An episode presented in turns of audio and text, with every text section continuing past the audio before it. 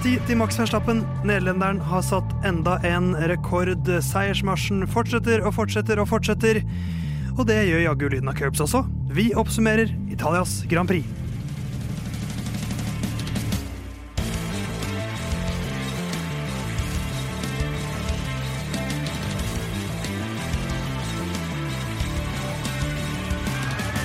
Tenk det, dere. Da er det bare åtte runder igjen av eh, sesongen i Formel 1. Det er nok mer enn åtte episoder igjen av årets Lyden av Curbs-sesong, så vi slår på en måte Formel 1-sporten eh, sånn sett.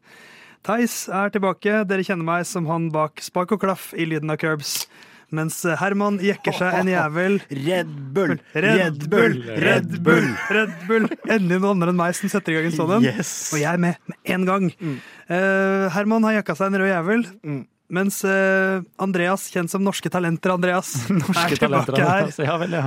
Ja, for jeg uh, så deg på en Instagram-video her forleden. ja, det er sant. Jeg er med i det klippet der. Ja. Det stemmer. I det jeg heier fram min lillebror. Ja, du er rett og slett med på Norske Talanger. Uh, hva vil du si er ditt største talent? Klapping, vil jeg si. Der er jeg solid. Ja. Er, den- er han med der?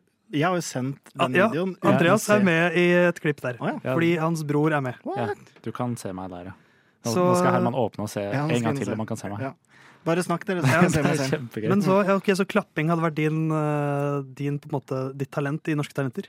Jeg vet ikke, jeg ville aldri stilt opp i Norske Talenter. Men hvis jeg skulle stilt opp ja, så er jeg en solid klapper. Og jeg husker når vi satt i studio her, så er det én fyr som først var pek, nå skal du begynne å klappe, og han styrer liksom Ja, klappinga for alle andre. Han kunne jeg vært. Ikke sant? Så verdens beste studio, altså publikumskontrollør. Ja. Mens du Herman, du er jo en mann som har høye tanker om deg selv. Hva kunne du vært med? Kanskje Mitt talent er at jeg har ekstremt høye tanker om meg selv. Ja, på en måte. Ekstremt god til å snakke opp egne prestasjoner. Um, ja, eh, der det på en måte er et hint av et talent, eh, så kan jeg snakke det opp på en måte i eh, uante høyder. Ja ja, Herman, hva skal du være med? Jo, jeg skal være Jeg er veldig god til å være verdens mest middelmådige gode håndballspiller. Ja, det er jeg faktisk. Det er jeg. Det er ingen tvil. Men eh, du er Herman. Eh, Jeg er her, Theis. Du er Andreas. Eh, ja. Hvorfor er ikke broren din her, da? Nei, han sendte meg melding eh, sånn i halv ti-drag i dag, og bare 'jeg er syk'. Bindestrek 'kan du være vikar'? Og du svarte. Ja. Herlig broderlig interaksjon. Vi skal høre litt fra din bror her, Jon Halvdan. Hvor er du, da?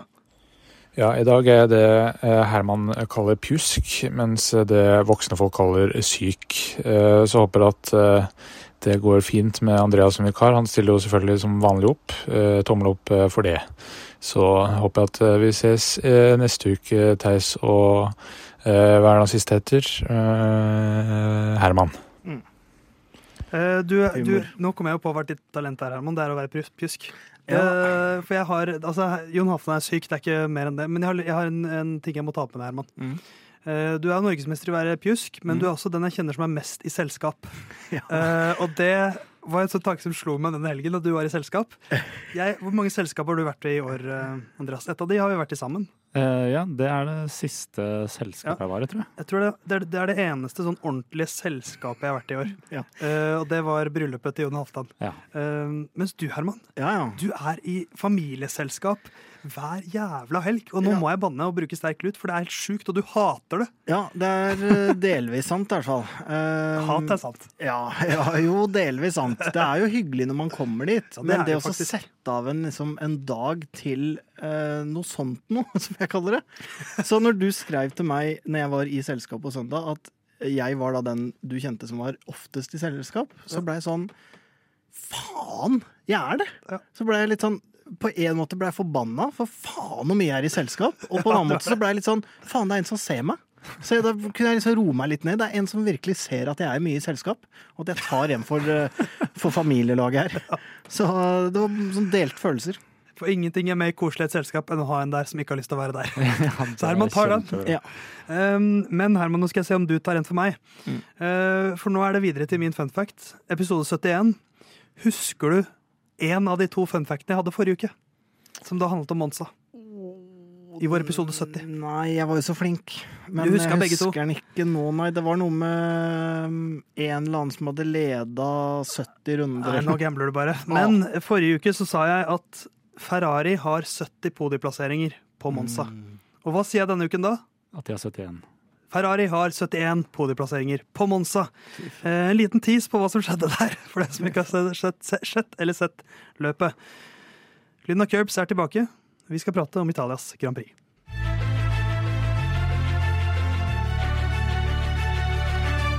Italias Grand Prix, den uh, Temple of Speed, som du kaller det, Herman. Mm. Uh, eller fredag kveld i Oslo sentrum, som uh, Media-Norge kaller det. For nå er det jo ikke maken på hvor mye drugs det er i Oslo, hevdes det. Uh, men vi skal ikke fornøyd med den referansen, eller? Uh, ja, for jeg syns det er litt provoserende hvor mye uh, Når eh, flere partier sier at kokain er den nye ølen, så stemmer jo ikke det i det hele tatt, hvis du ser på statistikken. Eh, men du, Herman, som Mm. lefler med alt av tyngre stoffer, spesielt koffein eh, Det var en koffeindrikkprodusent som gjorde det veldig bra den helgen også. Max Verstappen raskest i Q1 og i Q2. Men ikke i Q3, for der er Carlos Sainz eh, med en av sine beste runder i karrieren, sannsynligvis. Eh, Raskere enn Max Verstappen foran Charles Leclerc. Så Tifosin i eh, Italia fikk mye å juble for der. Russell nummer fire og Sergio Perez kødder det til og er nummer fem. Så han begynner liksom å Han har løsna litt opp i det der ryke ut før Q3-problemene sine. Mm. Men det går ikke så sabla fort likevel. Nei, det er jo skuffende, den- men den Red Bullen er jo alltid bedre på løp enn i kvalik, da. Så det, det var jo et lite frampek på at de var jo ikke, skulle jo ikke være helt elendige på søndagen, i hvert fall. Det skulle ikke, men det ble jo en, en rotete start på løpet på søndag. Eh, formation lap, formasjonsrunden, den eh, av, avlyses. Aborteres, hvis det er mulig å si. eh, etter at Yuki Sunoda får eh, motortrøbbel, var det vel. Eh, bilen stopper opp på et litt sånn kinkig sted, og så eh, blir det da en 20 minutters pause før man kommer i gang på nytt igjen. En tredje formasjonsrunde blir det til slutt. Eh, som gjør at løpet faktisk blir litt kortere. Carlos Sainz, god start. Klarer å holde Max Verstappen bak seg. Drar ganske rått over til høyre på startstrekket der og sørger for at Max ikke kommer forbi. Og klarer å holde Max at bay i 14 runder. Eh, selv med DRS så sliter Max Verstappen med å komme seg forbi. Så kommer han seg forbi til slutt, og så er det liksom grei skurring derfra ut, da. Som det ofte pleier å være. Eh, mens Sergio Perez kjører seg opp fra den femteplassen, blir nummer to. Eh, etter å ha slitt og slitt og slitt, kommer seg også da til slutt forbi. Og så er det en durabelig fight mellom Sainz og Leclerc til slutt om å bli nummer tre. Og Carlos Sainz vinner til slutt den fighten foran George Russell og Louis Hamilton. Albon nok en gang på poeng. På poeng. Syvendeplass. Norris følger så på åttendeplass. Alonso også er Bottas tilbake på poengene på tiendeplassen. Så det er eh, Monza. Oppsummert kjapt. Men eh, jeg pleier å spørre Jon Hatan nå cirka. Hvor ble dette løpet vunnet? Og da må jeg begynne med å spørre hans bror Andreas. Hvor ble dette løpet vunnet ifølge deg? Nei, det må jo være idet de begynner på Det blir vel lap 15 til 16, så får jo Science and Lockup i svingen. Der, eh, der hvor første tabben kommer, der blir løpet avgjort for min del. En som kommer forberedt. Eh, gjort hjemmeleksa si. fader! Det er det Lille-Jon vi har fått med oss. høre Jeg måtte jo stille Jeg sitter i Halvdan sin stol, så jeg må helvete. av og til eh, late som at jeg kan noe. Hvis du er Lillejon fra Robin Hood, da er kanskje du Robin Hood, Herman. Du mener i hvert fall det selv. Robin Hood og, Lille, Ja. Robin Hood og Lillejon Ja. løper rundt i skauen. Øystein Sunde som synger sangene i den norske dubben av Robin Hood. Fun fact. Hvor ble løpet vunnet, Herman? Uh, skal jeg svare hermansk, eller skal jeg liksom være litt på ball? ja. Begge deler. Ok, Da svarer jeg hermansk først. Det var når Da eh, ikke Red de Bull tok brukte mer penger. Ja, når ikke de tok en ordentlig straff for den eh, at de gikk over eh, budsjettaket. Og det litt mer seriøse svaret er jo for så vidt når Verstappen jeg sier på runde seks, jeg, men det er ikke sikkert det var det. Men prøver å gå forbi Sainz, som forsvarer seg eh, godt og sånn semiaggressivt. Og Verstappen kan på en måte krasje inn i Sainz, men han gjør det ikke, og ender opp med å ikke ødelegge løpet for seg sjøl. Fordi eh, selv om det var ganske jevnt i 14 runder, så er det kun én som kan ødelegge løpet for Verstappen på, om dagen, og det er Verstappen. Eller et mekanisk uhell. Så ja. når han ikke da raser inn i Science, så raser han ifra isteden. Skal vi bytte stol, eller så har du lyst til å være programleder? ja, kanskje det. Mye bedre det enn å komme med sånne rare Robin Hood-referanser. Ja, ja det var, den var ikke dum, den der. Eh, Men da blir det Max Verstappen seier til slutt. Men jeg syns fortsatt vi må liksom dyrke litt det at eh, jeg kan ikke nesten huske sist jeg så Verstappen fighte så mye for én posisjon. Eh, og det sier mye om denne sesongen her. Ja. At han liksom bruker 14 runder eh, i et eh, løp på 51 runder. Men, men det er jo en kombinasjon her av kanskje først og fremst Ferrari, som fant et bra tempo, og Sainz, som jo Ja. viser seg å være den føreren som vi Herman alltid har sett at han er. Ja, faktisk. For han var god. Han var god. Ehm, og man kan jo på en måte si at det her var årets beste løp. Også hvis man ser på resultatlista og omstendighetene og sånn, og sammenligner det med noen av de andre løpa, så er det jo kanskje ikke det, men eh, det var reell spenning om seieren i 14 runder. Ja, Eh, Og det har det, nesten, det har det ikke vært i år. Nei, det er helt nesten. sykt, det. Bortsett fra de, de løpene som Peres vant. Ja. Men eh, bra forsvar av Sainz. Han imponerte, syns jeg. Eh, hva syns du om måten Max håndterte hva skal man si, litt utfordringer på her, da, Andreas? For første gang, det kan, Han kan jo bli sur når han ikke får det som han vil med en gang. Ja, det var jo en veldig underholdende start. da. Sånn, eh, du sitter jo der og håper på at Sainz skal holde i hvert fall 50 runder da, før han slipper av forbi. Men han klarte ikke det, selvfølgelig. Men eh, det er den situasjonen som Herman snakker om, så sier han vel 'that was naughty' på radioen. Jeg vet ikke om det er samme situasjon. Mm, jo, jo. Det skaper jo en del underholdning, det også. At han er litt sånn tullete med at han 'Å, jeg Ja. kom ikke forbi', liksom. For, da, da, for når du hører sånne kommentarer, så blir det litt sånn uh, kattens lek med musen. Sånn derre Åhå, åhå, jaså, ja. Du, Ja. Oi, du er, litt, du er litt sterk, ja. Ja, Ok, ja. da får jeg bruke ikke 80% av det jeg kan, men hun 90 da. Ja, jeg tolka jo det som eh, Men der er jo jeg sikkert At han selvfølgelig var rasshøl.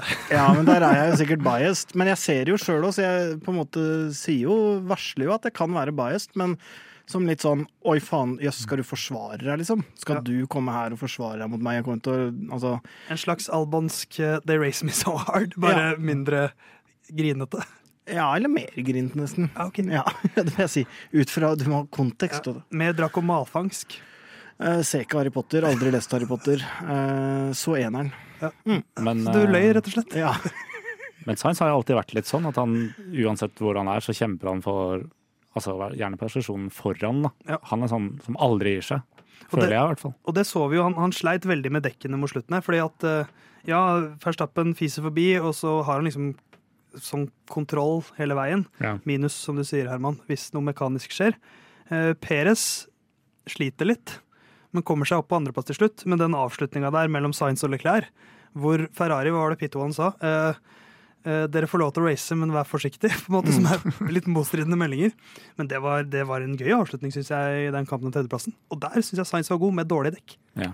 Ja, ja. Og altså den hausen som han skitne Checo Perez fikk for å være forsvarsministeren og det der pisset der, som har vært nå i to år.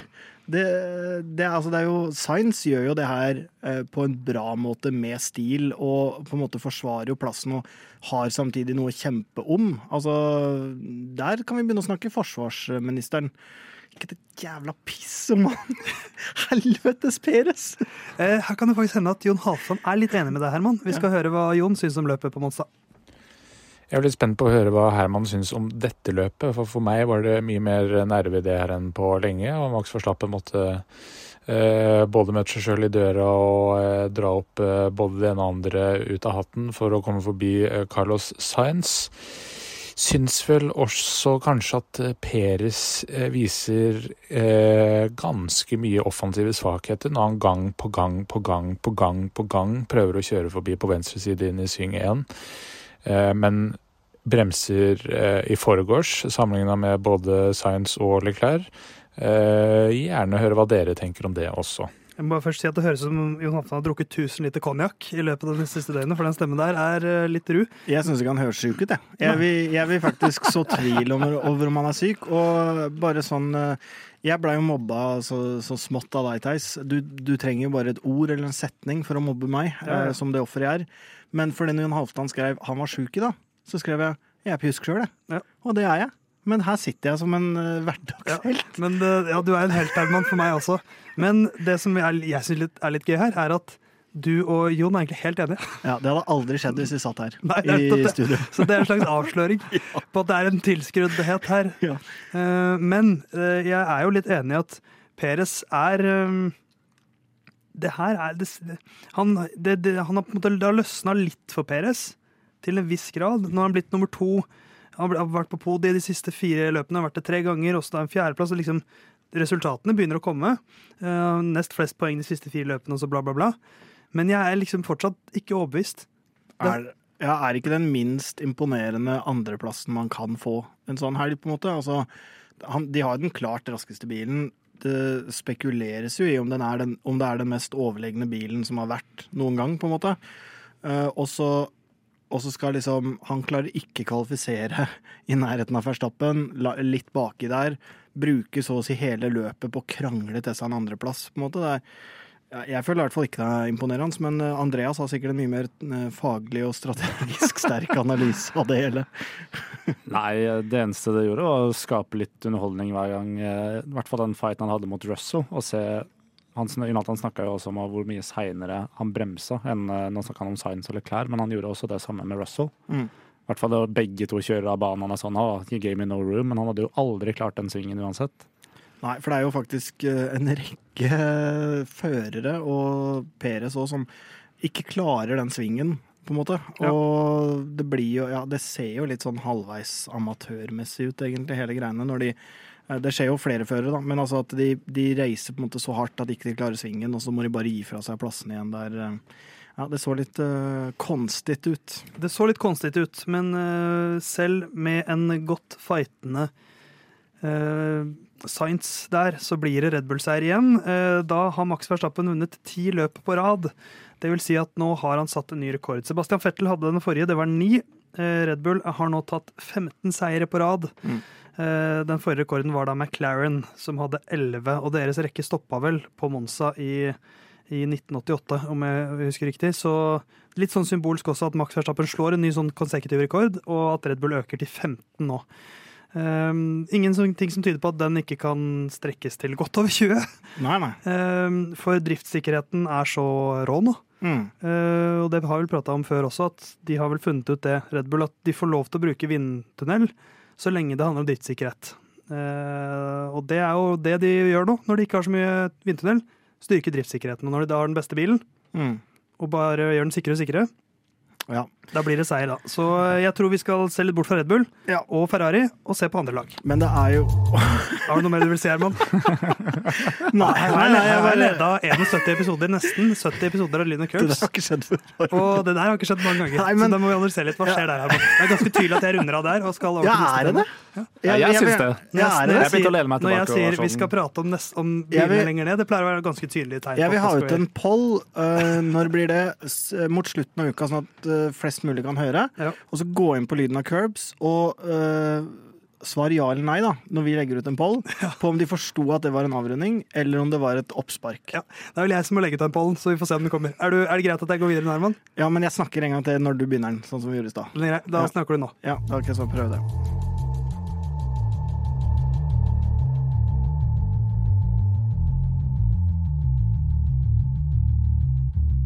Er det greit om jeg starter eh, praten nå, Herman?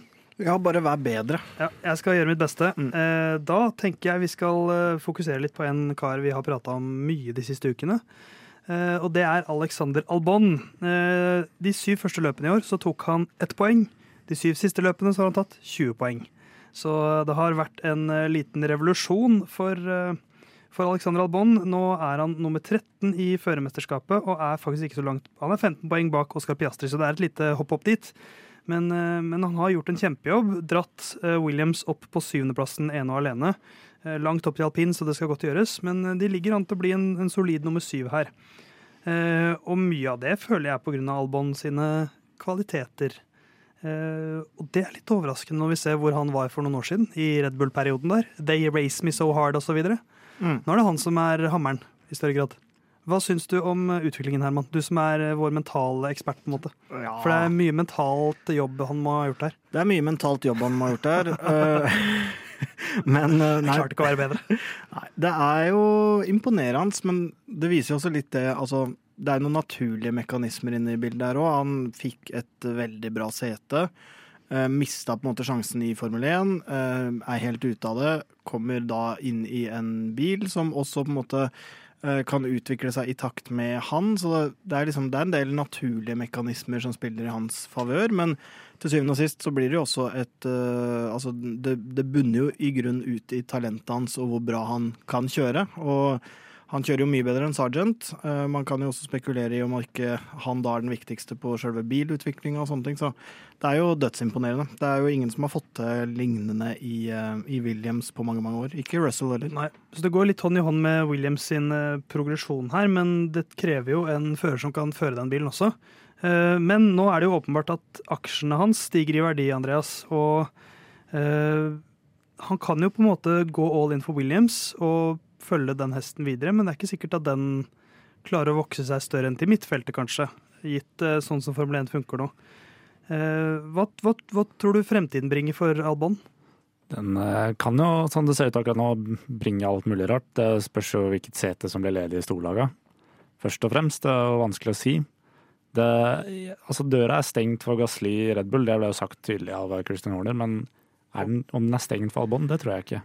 For det, det var litt, Jeg ville litt inn på Red Bull-diskusjonen, nemlig. For jeg, jeg føler at Albon bli, kan bli mer og mer aktuell, selv om det nå har begynt å svirre litt rykter om et annet navn i større og større grad, som er jo Lando Norris. Mm. Eh, nå har det nok en gang vært uttalelser fra doktor Marco. Eh, ikke Dr. Pepper, som du er størst fan av, Herman. Eller Dr. Øttiger, som du er størst fan av, Andreas. Holder ikke. Eh, Marco sier nå at Peres ikke er stabil nok, som alltid, og så sier han at men det er Lando Norris. Mm. Han kan være en kandidat. Og så sier samtidig Peres eh, er det ikke en plass for meg eh, i Red Bull etter 2024, så får vi se andre steder. Så han begynner også nå å snakke i større og større grad om eh, at det, en exit i Red Bull er kanskje ikke det verste som kan skje ham. Mm. Um, men jeg mener jo at Albon må jo Marco begynne å vurdere litt her også nå. Jeg syns jo det ville ikke gi noe mening i mitt hode å sette Norris i den andre Red Bullen ved siden av Verstappen. Um, jeg skjønner ikke hva Red Bull skal oppnå med det. Skal de vinne på en måte sammenlagt enda tydeligere? Uh, for det vil Setter du en bedre fører der, eh, som på en måte ikke helt kanskje kjenner sin plass i næringskjeden, eh, så kan du begynne å rote med Verstappen. Jeg tror jo Verstappen vil slå de Jeg må plystre litt, jeg. Eh, Vil slå de aller fleste i eh, samme bil. Eh, Han er jo uten tvil en talentfull fører, men det er Norris òg. Så begynner å få litt kamp der. Norris eh, fullfører et par løp som Max må bryte i, sånne ting. Så Albon tror jeg er enklere Jeg tror han er litt dårligere enn Norris, og så tror jeg også han er mye enklere å kontrollere. Og det er ganske viktig. Fordi han er en snill gutt. Ja, men han har også vært der. Han har også vært i på en måte, Han har hatt eh, en god mulighet, og så har han egentlig sett karrieren eh, forsvinne litt. Eh, det har ikke Norris. Norris er på en måte Uh, helt sheriff i uh, et lag som ikke er godt nok. Um, de Nei, er en sheriff i det laget. The Buckstops. ja, det er sant. Det er hos Oscar Piastri. men, nei, men jeg bare tenker at uh, Norris er på en måte um, Han vil ikke kjenne sine begrensninger på samme måte som Albon. Det er jeg ganske sikker på. Norris er jo på en måte har en mye mer stabil karriereutvikling. Mm. Den, det er en jevn kurve som stiger og stiger. Ja. Albon, altså i, i hva kaller man det, ikke aldersbestemte klasser, men i, i formelseriene under, så Mm. var jo han, det var så vidt han fikk fortsette å kjøre, og grunnen til at han dro til Thailand og liksom omfavnet det sånn ordentlig, var jo for å bare kunne fortsette å satse. Mm. Det var så vidt han klarte å bli Formel 1-fører, eh, og så røk han ut, som du sier, og så plutselig så for, hva er det, tre år siden, så dreiv han og bremsa på på Silverstone for å sjekke om uh, Dere har testa bremselengder og sånt for Red Bull. Og Ja. det, var liksom, det var det han holdt på med. Det var der han var. Mm. Uh, så jeg føler det har blitt gjort så mye ut av det comebacket til Ricardo. Han har, bort, vært borte i et halvt år. Og så er det sånn herregud, Jesus har kommet tilbake. Jeg er mye mer imponert over det Albon har fått til. Ja, det, det er jeg enig i. Han har jo reist seg fra, fra asken. Men det er jo også sånn, hvis man, for å fortsette med Norris kontra Albon Hvis, hvis man hadde tilbudt Albon nå at eh, OK, du får sete i Red Bull de neste Si at Verstappen skal Det er noen rykter om at han gir seg til 2027, eller hva det er. Men si at eh, det er tilfellet, da. Og så får Albon tilbudet om å være ved hans side. Eh, ha tusenvis omtrent av podiumplasseringer og få 20 seire, men aldri kunne få en VM-tittel. Det tror jeg Albon hadde tatt. Det er jeg faktisk usikker på om Norris hadde gjort. Eh, om 20 på en måte seire for han ville føltes som nok, da. Så er det selvfølgelig et litt søkt eksempel, men jeg tror eh, at Norris eh, ikke ville vært fornøyd med det, og ville på en måte hatt en mulighet til å utfordre på mer jevne mm, vilkår, da. Um, Jeg er ikke uenig i det.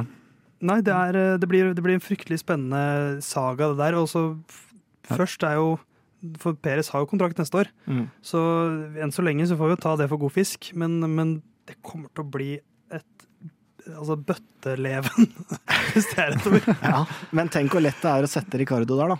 Som, Ja. altså, nå, Det er, å, apropos kjedelig, er ikke det ganske kjedelig? Jeg Nei, vet at du liker. Ricardo, men er ikke det veldig kjedelig? jeg syns ikke det er kjedelig, men uavhengig om man liker den eller ikke, tenk hvor lett det er for Red Bull. Ja. Men jeg syns også også Albon er kjedelig. Norris er spennende, for da kan alt skje. Ja, litt enig i det. Fordi jeg, jeg, de har jo hatt en sånn Rossberg-sesong før, Mm. uh, og det tror jeg ikke med, med Fettel der. Så, så spørsmålet er om de ønsker seg det på nytt igjen. eh, hvis de skal, for det, det er jo sånn, hvis de skal være så dominante nå i hele den æraen her, Mm. så er jo de på en måte også tjent med at de har to jævlig gode folk. Ja. Sannsynligvis. Hvorfor det? Fordi at da det styrker sporten. Ja, det er for så vidt sant. At, Eh, de, at det, på en måte, det ikke er noe spennende. Så Litt sånn som Mercedes Ja. eh, de siste åra der. Det gir, jo, det gir jo på en måte, Hvis man sverger til all PR er god PR, da. Det gir jo, selv hvis det blir litt fighting og sånn, så er det jo sånn Folk snakker om Red Bull, og all, da handler alt fokus om Red Bull. Ikke sånn som nå, hvor det er sånn ja ja, Max, og så er alt Ja, annet det, litt sånn det er et veldig, jeg liker jo å se markedsføringsperspektivet, men den hadde jeg ikke den er Internasjonal markedsføring, vet du. Men den hadde jeg ikke sett på, men den er ikke så dum, Nei. den. Men samtidig så virker Den er ikke så dum, men samtidig litt dum. Nei, men samtidig, det virker som Verstappen har en så klar lederrolle og er så viktig der at det, at det å utfordre det virker nesten som utopi. Men hvis de gjør det, for all del, da skal jeg øh, hylle de litt. Det, åh, det åh. Vi, vi, eh, vi går videre på tippinga vår nå, men Herman skal hylle Red Bull litt hvis de tar et spicy førevalg. Noe mer du skal si, Herman, før vi går videre? Uh, nei, jeg kan gjøre sånn som i stad. Ja, da gjør du det. Ja, greit.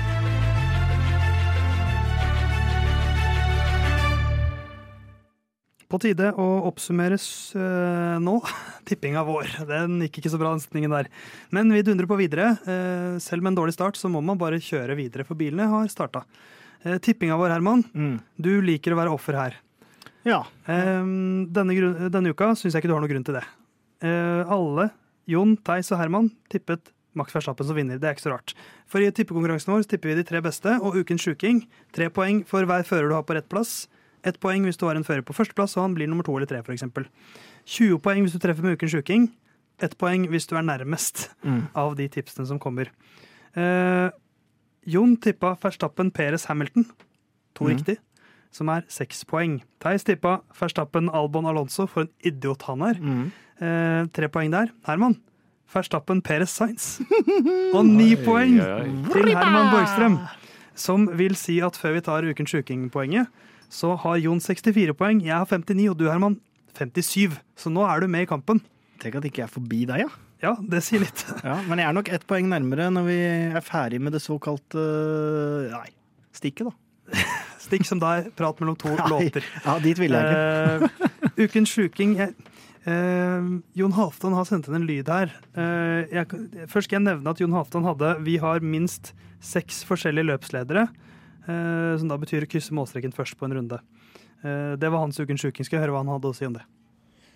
Nå kommer sikkert eh, dere til å finne en eller annen grunn til å gi en av de andre det bonuspoenget for ukens uking, men det var fem førere som kryssa målstreken først i løpet av Monza Grand Prix. Det var først Science, først eh, Piastri, Peres, eh, kanskje i motsatt rekkefølge, og eh, Hamilton var også først over målstreken.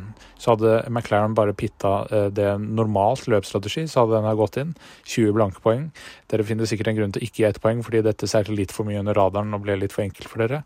Men uansett, argumenterer for at det bonuspoenget, det burde være mitt. Det verste er Jon, at du hadde meg litt her, men så blir han sånn kokett og hoverende på slutten. Han snakker ned til oss. Også, Nedlatende, rett og Han slett. ble ufin. Og så skal vi heller aldri glemme eh, noe jeg alltid får kjenne på, at det skal straffe seg å ikke være fysisk til stede. Ja, så nå, men, da, men da får vi se, da. For jeg, ja, objektivt sett, han har et poeng. Han har et poeng. Men han har ikke poenget ennå. Nei. Nei, nei, nei. Eh, men ja, OK, fem eh, førere av seks, man kan si. Er det så imponerende, egentlig? Du traff jo ikke, Jon. Eh, Herman, to vikarer kjører i Red Bull-systemet. Mm. Argumenter. Ja, eh, De, de hadde én, ja, vi hadde en, Også, så du er også bare én unna. Det samme som Jon. Jeg er bare én unna, det er helt riktig. Og så var det jo eh, Var det jo? Er ikke du mer enn du gir seg, det, Det blir for dumt. er første gang jeg har sett Herman bli ordentlig satt ut. Han prøver å sette ut oss andre i studio ganske ofte, i hvert fall når jeg pleier å være Men eh, da ble han satt ut selv. Klarer å vippe deg av pinnen av og til. Ja. Eh, nei, jeg er en unna. Det er ikke så mye mer å si enn det. Det ville vært helt sjukt hvis det skjedde. Eh, og det som på en måte ikke Jon Halvdan tar for seg i, sitt, i sin lyd, det er jo rett og slett at for alt han vet, så kunne jo vi forventa at det var ti ulike løpsledere. Sånn at vi egentlig ville liksom Ja, det er sant. At vi liksom Å, faen, jøss, var det bare fem? Ja. For alt uh, han vet. Så det, Og det, vi forventa jo ti løpsledere. Ja. Um, så Herman mener han er én unna. Jeg hadde jo- da uh, Yo da. Ja, der er du god! De popkulturelle referansene sitter løst i lyden av Curbs i dag. Sånn er det når Herman, når Herman er her, og Andreas er her, og jeg er her, og ikke hun Halvdan. Kjedelige nerden vår. Jeg er veldig glad i deg, Jon. Ikke jeg. Um, album med pole position og podium hadde jeg. Ja. Eh, mitt forsvar Nei. nummer to, nummer to i Q1. Nei, ikke gidd, da. Det er ikke så dumt. Eh, nummer, fem, nummer seks i Q2 og nummer, nummer seks i Nei, nummer fem i Q2, nummer seks i Q3.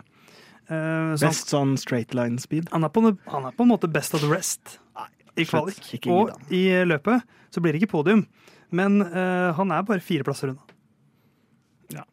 Og vi forventa jo ti ledere. Ikke gidd, da.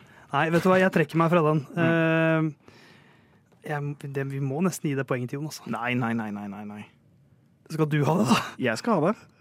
Nei, det, vet du Ja, men den var så lite altså, vi, kan, vi kan snakke mye om at eh, fører A over fører B og sånn. Den der var jo At den gikk inn, er jo egentlig helt Men sjukt. det er, det er det jeg har sagt, at dette handler i stor grad om å lure de andre. Uh, og det klarte han. Og da syns jeg han skal få et poeng. Men, men jeg syns, vet du hva jeg syns? At Andreas skal få bestemme. Ja, jeg er enig. Hvem får poenget? Um, Er det vi har minst seks forskjellige løpsledere? Det var fem. Eh, Er det Albon med pole position og podium? Han eh, kom til Q3 og blei topp hva var det jeg sa, sjette eller sjuende mann. Eller to vikarer kjører Red Bull-systemet. Det som er gøy nå, han er jo min bror, og han er syk, stakkars han. Så, ta, så jeg gir den til Herman. Korrupsjonen lenge leve. Nydelig. Ne nepotismen er på en måte motsatt her, men det, det som er Det fordelen er litt for spenningas skyld, da, faktisk. Ja, ja, ja. Jeg syns vi skal ha litt, litt rubberbanding er fint. Oi, da ja. er det en forbanna Jon som sitter og hører på og blir enda sjukere i huet. Ja. Eh, 64 poeng til Jon. Theis har 59. Herman med 58. Gjestene har 40 poeng. Så Andreas, dere må jobbe hardere. Eh, Vi skal prate litt om Dennis Hauger. Hvis det er greit, Herman. Jeg glemte å sjekke med deg. Ja, det går fint. Ja, da gjør vi det.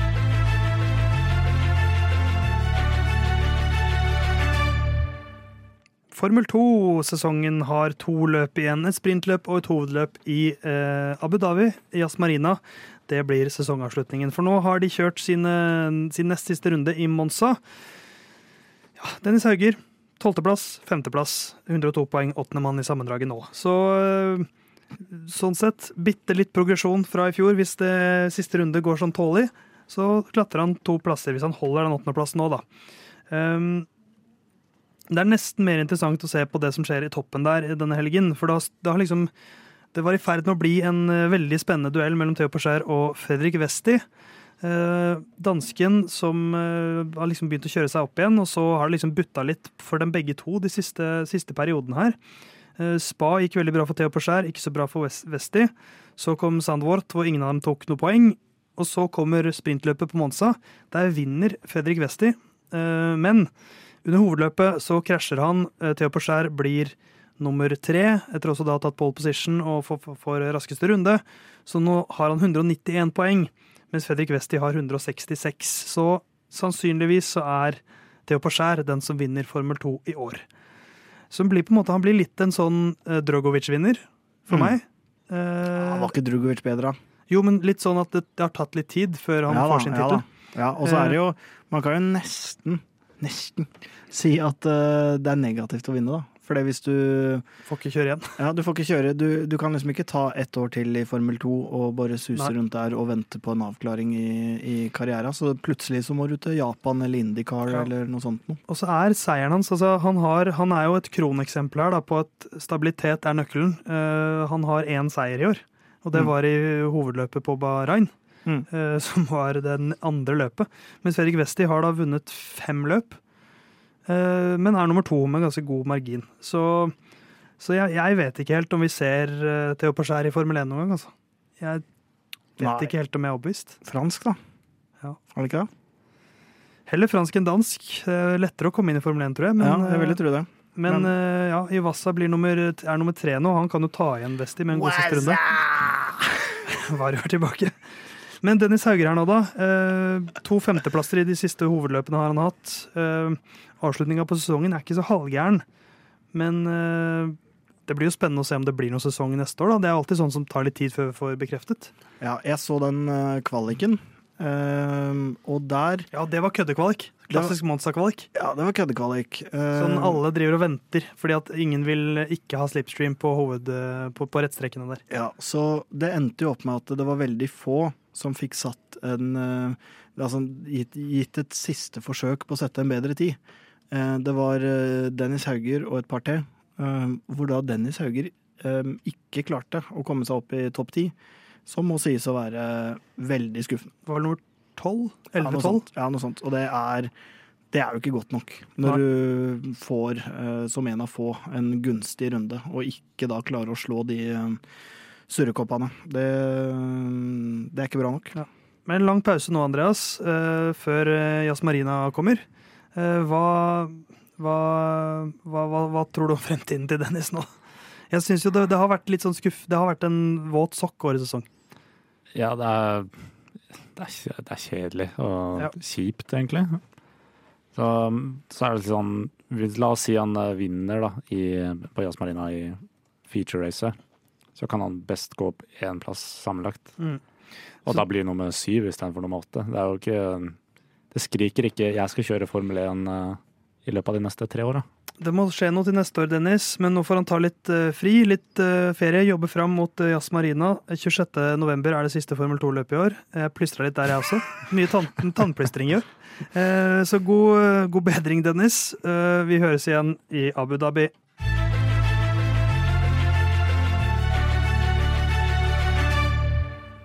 Det er eh, en saga som vi pratet veldig mye om i fjor. Ikke Saga Norén, denne karakteren. Ei Men- heller en saga blått. Nei, ei heller en saga blått, eller sagaen om de bannlyste, de, for, for de som husker den. Ringenes Å, herre-parodien. den er ikke dum. Ja, ja. Du er for dårlig for å kaste sten, eh, og så videre. Den er ikke dum. Skrik Eh, inte. Søk, søk opp den. Um, FIA har annonsert, dessverre, Herman, for din del, Mhm. at alle lagene var under budsjettaket i 2022. Eh, Det var den store sagaen vi diskuterte i fjor, eh, Catering Gate, som eh, Red Bull var så flinke og fikk det til å bli kalt, ja. som det jo egentlig ikke var, fordi det var å flytte fokus og se at det var bare catering, Ja, som ikke er sånn det funker. Takk for at du tar det. Så jeg ser rett igjen den strategien, Red Bull. Men da, da får vi ikke det dramaet i år, som jeg merker. Det syns jeg er litt synd, for dette er en sesong hvor Red Bull vinner alt. Det virker som det ikke blir så veldig sånn dramatiske endringer på førerkabalen.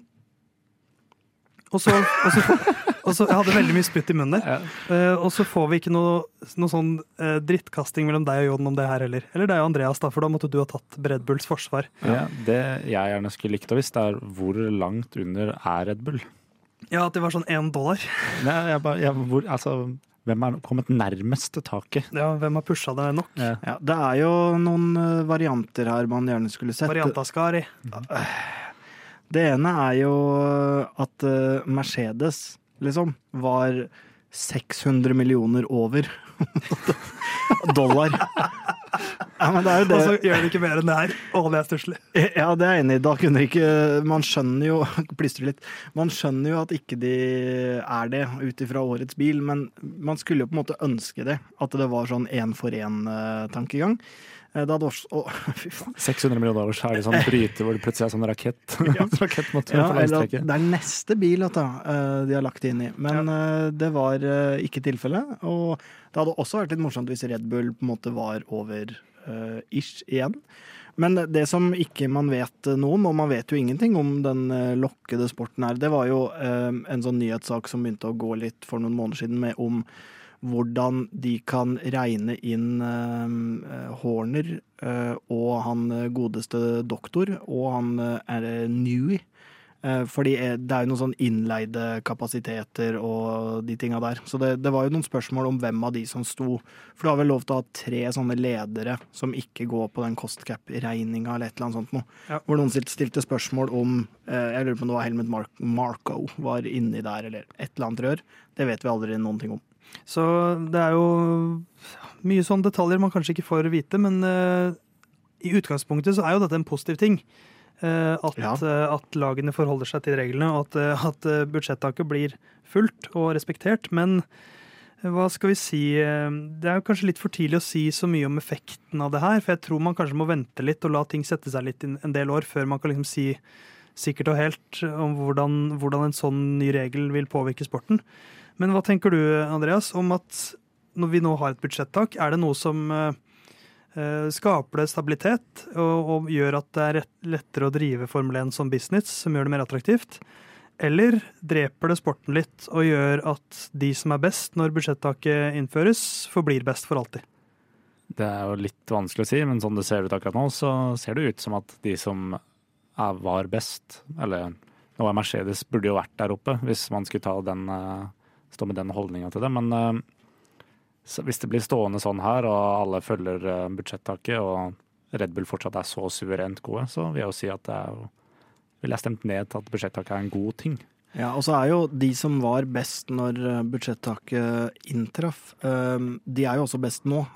Så kan man jo si at det, Det er jo få år siden, da, så det er kanskje ikke så rart at man ikke har hatt noen sånn Nei, nei, det er greit nok, men, men jeg vet ikke. Jeg, det er mye med de reglene jeg syns uh, som ikke har gitt en ønska effekt. Altså om det her på en måte blir sett på om ti år som bare sånn Oi, shit, det vendepunktet der, det var dritbra.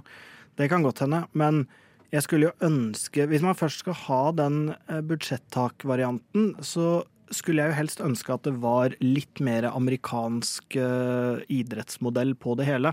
At det liksom Én ting er at det at det, ja, der, der straffes det jo, ja, hvis du suksess, vinner. suksess straffes. Ja, rett og slett. Og på lang sikt. Det er ikke sånn at det straffes superhardt året etter, men på lang sikt så straffer det seg. Så du kan, du kan ikke vinne Superbowl 20 år på rad. Det er, liksom, det er helt umulig, fordi det går på eh, draft og picks og alle de tinga her. Så jeg skulle ønske i så fall at hvis man skulle ha det, og ha en, ha en større effekt av det, at det, eh, straffa seg mye hardere å vinne. Um, og man kan selvfølgelig si at eh, ja, du heier ikke på Red Bull, så det, det, men det ville vært det samme. Jeg syns ikke det var noe fett når Mercedes vant syv år på rad heller. Det synes eh, jeg, Spenninga er jo det som er så viktig for all sport.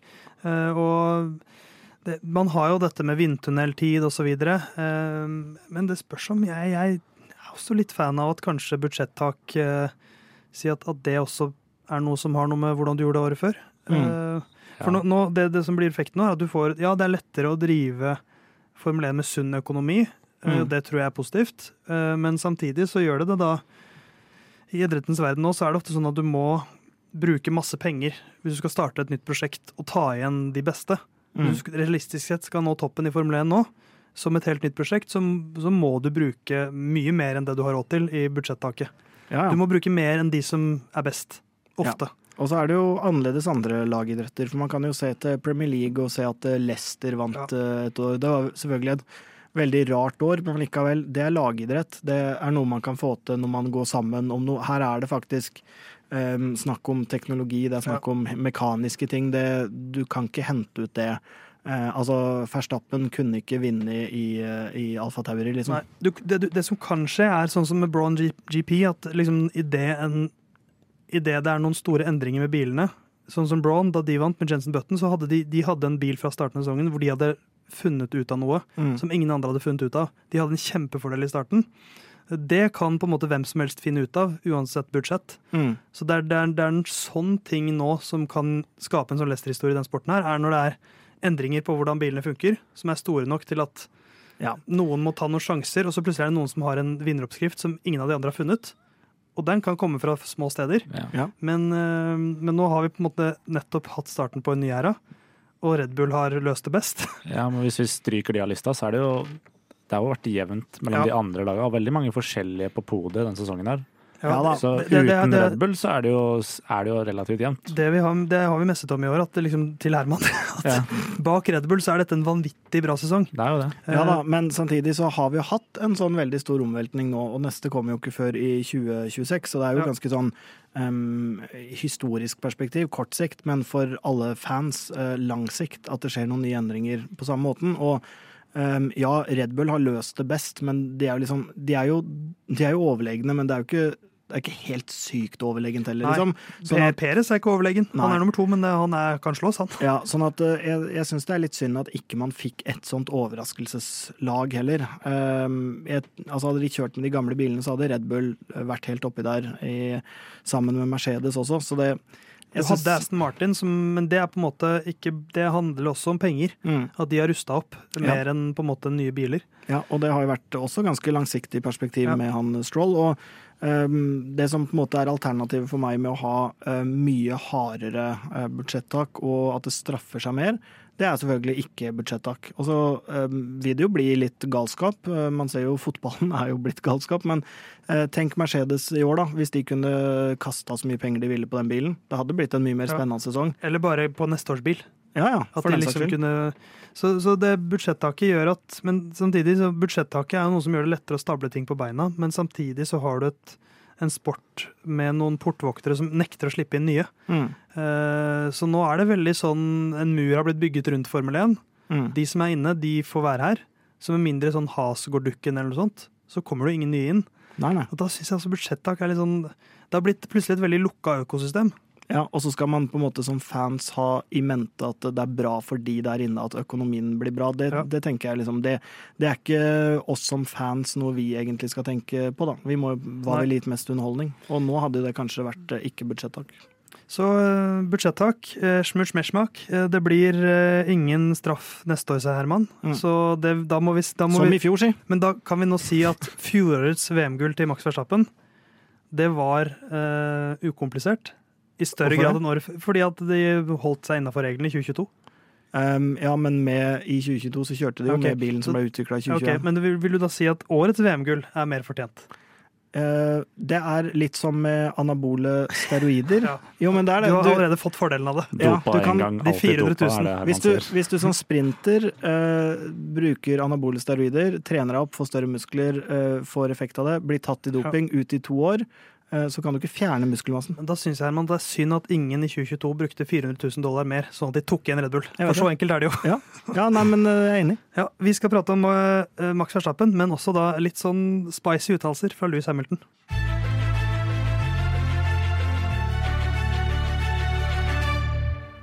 Det, er, eh, det har vært noen litt spicy uttalelser fra uh, Mr. Hamilton denne helgen. Uh, han har rett og slett sagt at jeg hadde, val- jeg hadde valgt Ribottas. Mm. Eh, han er bedre, og alle mine lagkamerater har vært bedre enn alle de som Max Verstappen har kjørt med. Ja. Eh, tatt litt ut av kontekst som alt, men jeg syns det er en litt sånn interessant diskusjon. Eh, for Max Verstappen har ikke noen reelle utfordrere denne sesongen her. Han har Nei. ikke noen trussel innen Man snakker det, det fokuserer de veldig på i Droid to Survive. Den verste konkurrenten din er han som kjører i samme bil som deg. Mm. Ikke hvis du er mye bedre enn han. Da er det din beste venn. Eh, Max Verstappen han har jo da kjørt med Daniel Kviat. Eh, Jean-Eric Verne, det var helt i starten. Så han har hatt Carlos Sainz, han har hatt Daniel Ricardo, Pierre Gasly, Alexander Albon og nå Sergio Perez. Ja, og så må man jo kanskje gi det kontekst med eh, når han Altså, nå, da var jo han også ung, da, men sånn som når han kjørte mot Science, så Ja. var det vel ikke gitt at han noen gang skulle sitte i en Ferrari, på en måte. Nei, det er sant. Der og da eh, så, så var ikke Sainz, det var jo Toro også, så det er jo, det er ikke så eh, Det er ikke så sjukt, det. Eh, mens eh, Louis Hamilton begynner jo da å kjøre mot, eh, må vi si, Fernando Alonso. Mm. eh, som da var dobbelt verdensmester. Eh, Heikki Kovalainen, eh, Jensen Button, Nico Rosberg, Walter Bottas eh, og nå George Russell. Det er de lagkompisene som Hamilton har fått. Instinktivt så syns jeg jo liksom at den samlinga til Hamilton er mer imponerende enn samlinga Ja, ja. til Og det, dette har jo på en måte ikke noe Dette handler ikke noe om Hamilton versus Verstappen, egentlig. Dette Ja, det er jo foreløpig så er det mest bare en ren sammenligning. Um, men det som på en måte er et poeng her, da, som kanskje er det viktigste poenget egentlig i Som man kan trekke ut av den debatten her, som er minst tabloid, er uh, Hamilton har hatt noen skikkelig vriene uh, sparringspartnere, får vi si. Han, by, han begynte å kjøre mot Fernando Alonso i samme lag. Da kjørte de mot hverandre. Uh, Hamilton ble vel nummer to den sesongen, i hans første sesong. Uh, Jensen Button, verdensmester. Nico Rosberg, verdensmester. Bottas, ikke verdensmester. George Russell, framtidig verdensmester. Mm. Eh, sannsynligvis. Mm. Muligens. Um, så Hamilton ble jo herdet ganske tidlig der, tror jeg, med Louis Hamilton. Uh, med, Hamilton og Alonso, mener jeg. Og seg sjøl. Ja, og seg, og seg selv. Mens Verstappen har jo Han er jo Han har ikke fått smake på den delen av sporten helt enda. Nei. Den der med at uh, din verste konkurrent Det var et spor av det, kanskje, med Ricardo. Mm. Uh, Ja. Men det kan hende er litt skapt av Jeg tror det er mest skapt av Dirt to Survive, for det virket som om de gikk, gikk for maks. Ja, og så kan man jo si at uh, Ricardo um, Altså, han virker jo ikke som noen dum fyr. Han skjønner jo åpenbart uh, spillet med totalpakke, og uh, det er jo naturlig å tenke seg at han også skjønner Formel 1-mekanismene, så han eh, følte seg nok ganske Jeg tror nok det egentlig var et ganske enkelt valg for han å forlate Red Bull, for han følte nok at han var på vei til å bli en veldig klar andrefører, så det var nok eh, det var nok i, uh, gjerdet allerede da at de satsa på en måte Verstappen. Da. Så selvfølgelig hadde Ricardo vært der, tatt kampen, vært bedre, så hadde han jo gjort lurt i det. Men um, ja, han, han følte seg nok litt pressa ut. Og ingenting av dette er jo på en måte eh, Verstappen sin skyld, men jeg, jeg lurer litt på hva som hadde skjedd hvis han havnet i en sånn sesong. Hvis, han, hvis, hvis det nå blir sånn at han er inne i sin mest dominante periode nå, eh, med bare makkere som er dårligere enn han På, på en måte så, så vil han bli en større uh, fyr. Større utøver, større i, person, i, i historiebøkene, hvis han får inn en sånn en som kan ta kampen. Mm. Det vil jo gjøre han enda større.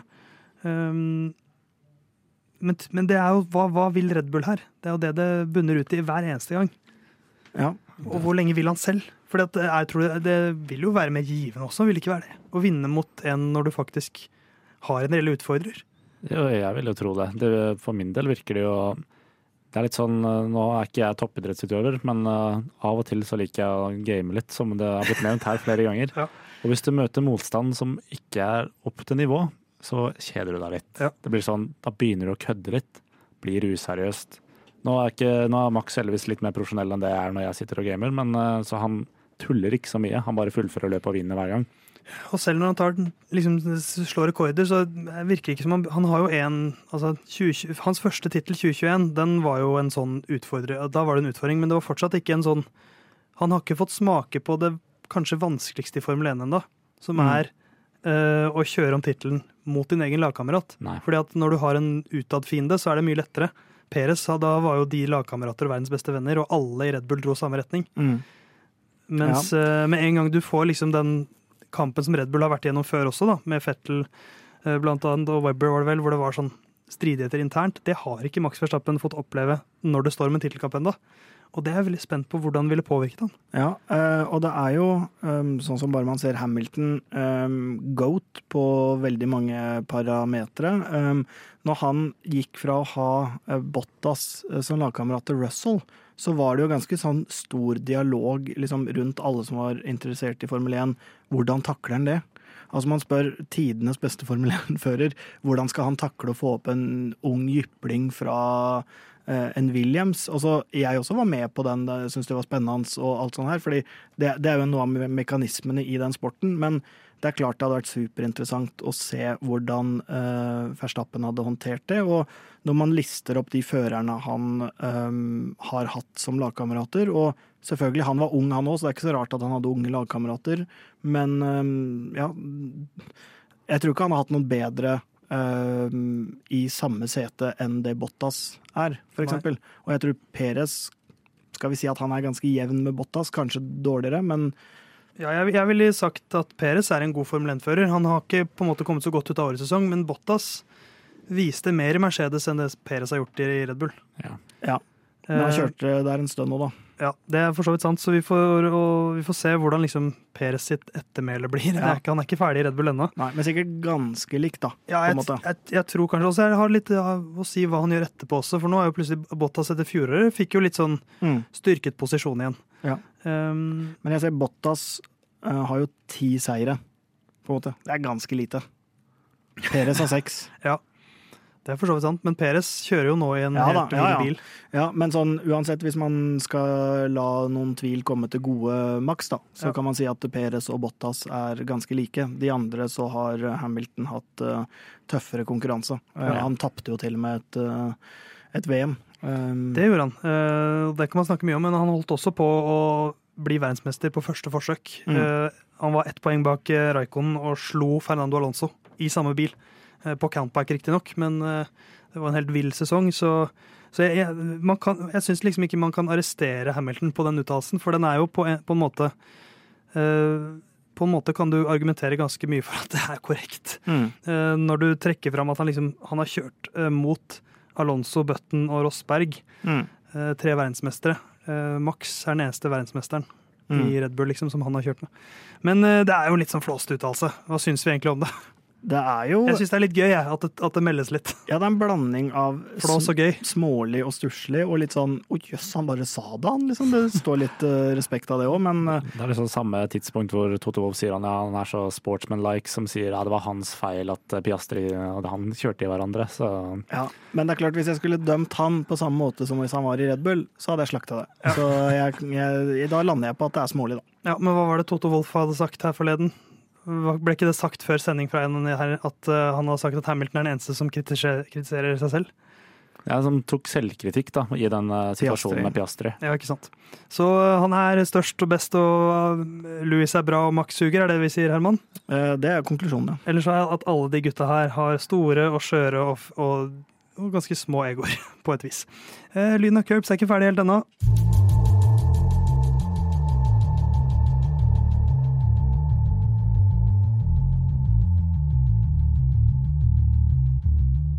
Det stopper ikke det her, eh, det Max Verstoppen-toget. Skulle tro det var med vilje. Det toget vil du gjerne av, Herman, selv om du tatt av deg headsetet feil vei. Der har det riktig. Det er tredje gang eh, i løpet av sendinga. Ja. nå, nå lo, jeg foretrakk, ikke ei en mine.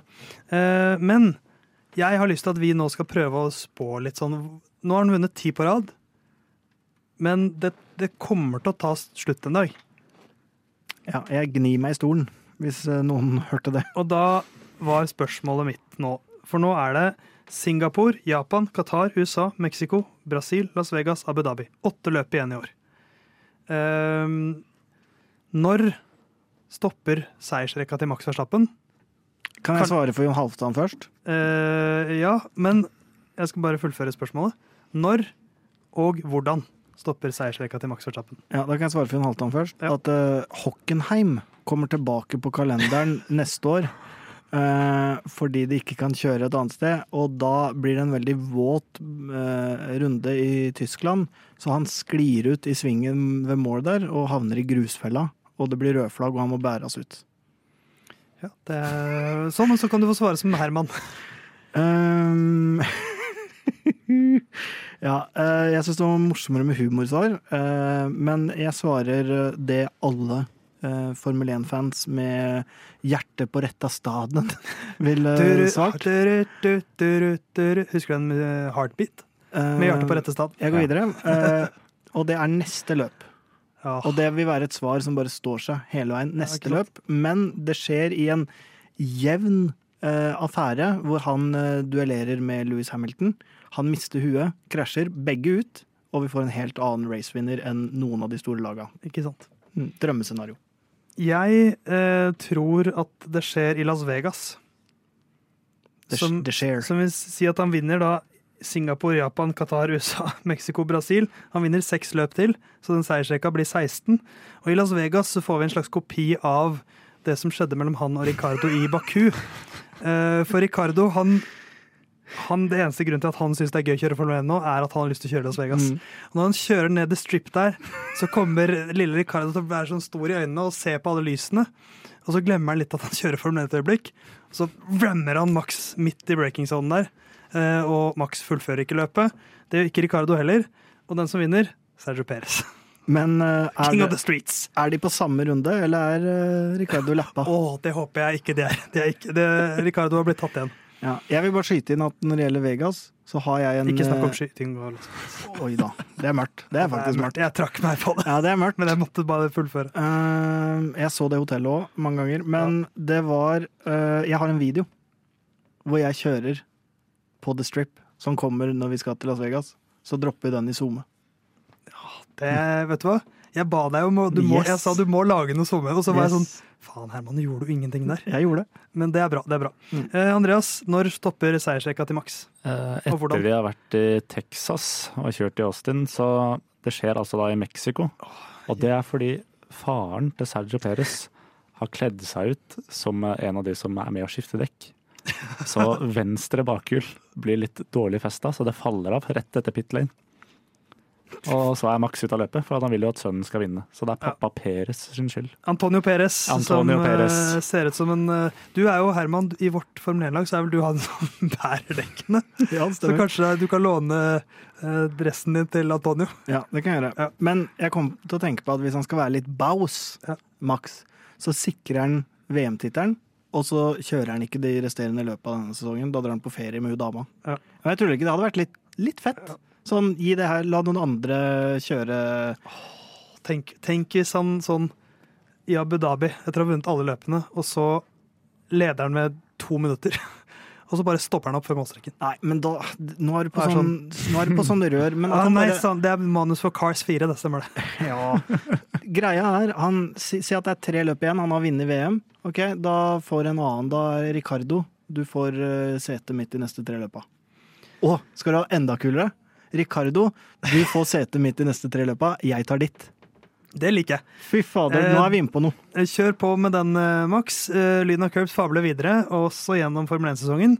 Vi er tilbake neste uke. Da skal vi se fram mot Singapores Grand Prix, er det vel? Som er neste 17. september, skal det kjøres. Tom Erik Grand Prix. Det er så smal referanse, den må vi forklare. Vi kjører mye Formel 1-spill. Eh, I Singapore så skjedde en famøs hendelse hvor en kar som heter Tom Erik, kjørte ut Herman. Og uh, Herman sørget for med sin reaksjon at Tom Erik aldri kjørte et Formel 1-løp igjen i vår lille konkurranse. Så det sier mye om Herman. Uh, Andreas, vi får se om Jon Halvdan blir frisk. Hvis ikke så kanskje vi hører deg eller Ole eller noe sånt neste uke. Det gjenstår å se. Du får i hvert fall holde deg frisk. Jeg skal gjøre så godt jeg kan. Herman, du blir vel pjusk? Jeg er pjusk, jeg, men jeg sitter her for det. Men da høres vi om en uke. Følg oss på Instagram og TikTok. Lyden av Curbs eh, hører deg aldri, men du hører oss igjen om en uke. God bedring, Jon.